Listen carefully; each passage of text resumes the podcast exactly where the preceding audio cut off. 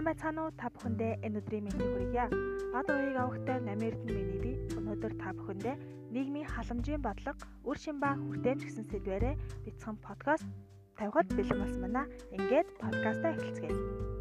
Хүн амын амьдралын нийгмийн хүрээнд биднээс салшгүй нэг хэсэг бол нийгмийн халамжийн бодлого байдаг. Нийгмийн амьдралын замнал орлогын их үсвгүй өөрийн хүч хөдөлмөрөөр бус бусдын тусламжгүйгээр гэр бүл байтугай өөрийгөө ч амь аваад явах чадваргүй нийгмийн болог хүмүүс нийгмийн альч давхархад хөгжлийн альч үе шатад байсаар ирсэн байгч болно.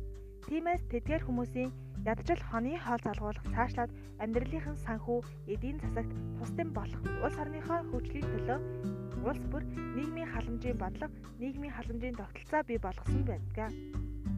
Тэгвэл нийгмийн халамжийн бодлого ямар хүмүүс үйлчлдэг вэ? Нийгмийн халамжийн тогтолцоо хэн төлхөө хурж үйлчлэх вэ? Тэгэхээр нийгмийн тохиолдолтой санхүүгийн хэрэгцээнд амжиргааныхаа зардалтаач хүрэлцдэггүй. Гэр бүлийн халамж, асрамж дутагдaltaй. Нийгмийн халамжийн тусалцаа дэмжлэг зайлшгүй шаардлагатай. Бусдын тусламжгүйгээр амьдрах чадваргүй, хэвэн амьдрах боломжгүй. Өвөрмөц хэрэгцээ бүхий иргэнд наад захын хэрэгцээг нь хангах зорилгоор нийгмийн халамжийн тогтолцоодоор улсаас тэтгэр тэтгэмж олгох, тусгайлан үйлчилгээ үзүүлэх үйл ажиллагааг нийгмийн халамж гэдгээ.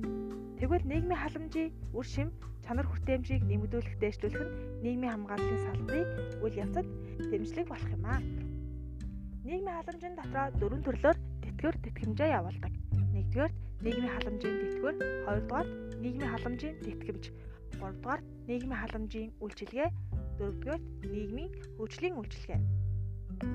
Нийгмийн халамж үйлчилгээ хүртээгчдийн хүн амын бүлгээр нь англин үзвэл тэтгэврийн насны иргэдийн 70%, хөгжлийн бэрхшээлтэй хүүхдийн 87%, 16-аас дээш насны хөгжлийн бэрхшээлтэй иргэний 63% нь халамжийн хөтөлбөрт хамрагдаж байна. Үүнээс үсгэд нийгмийн халамж үйлчилгээ авах ёстой хүмүүс нь 100% авч чадахгүй байгаа нь нийгмийн халамж үйлчилгээний газраас эсвэл халамж авах ёстой иргэдийн өөртөөс нь шалтгаалж байна уу? Гэвч нийгмийн халамжийн нийт зардал нь өндөр байгаа ч ядуу амжиргааны зардал багтай хүмүүс бүрэн гүйцэд хүрч үйлчлэхгүй байгаа байгаа нь харамсалтай. 2015 онд хийсэн судалгааны дүнгээс харахад нийт халамжийн үйлчилгээний 28%-ийг хүн амын амжиргааны түвшин өндөртэй 40% нь хүртсэн гэсэн мэдээлэл байна. Нийгмийн халамж бодлого нь ядуурлыг бууруулах арга хэмжээ рүү чиглэж байгаа боловч яг үр шин ба хүртээмжээ өгч чадахгүй байгаа л болов да. Гэхдээ хөдөлмөр эхлээд өөрөө амьдралынхаа ивүүсүр болоод амжиргааны зардлыг олох иргэдийн зарим нь халамж хүртэх сонирхолтой байдаг. Тэгэхээр иргэний бэлэнчлэх сэтгэхүйн халамжийн зөвхөн төрийн тусалцаа зайлшгүй шаардлагатай. Ядуу эмзэг бүлэгт хүргэх гэсэн ойлголтыг өгөөсгөж байна. Тэгэхээр хөдөлмөрийн чадвараа алдаагүй. Тэтгэврийн насандаа хүрээгүй. Хэрнээ улсын халамжийн тэтгэвэр тэтгэмжийн мөнгийг авч байгаа Иргэд залуу бөгөөд залхуу хүмүүсээс болж нийгмийн хүн давхаргын нийгмийн халамж зайлшгүй авах хөстэй иргэний хагас хувь хувь нь улсын халамжийн үр шимийг авч чадахгүй байгаа нь нийгмийн халамжийн хүртээмж муу байгаа хэлэх бизээ.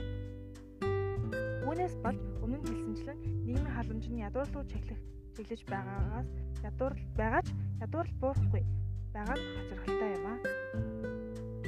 Анхаарал тавьсан явдалд баярлалаа.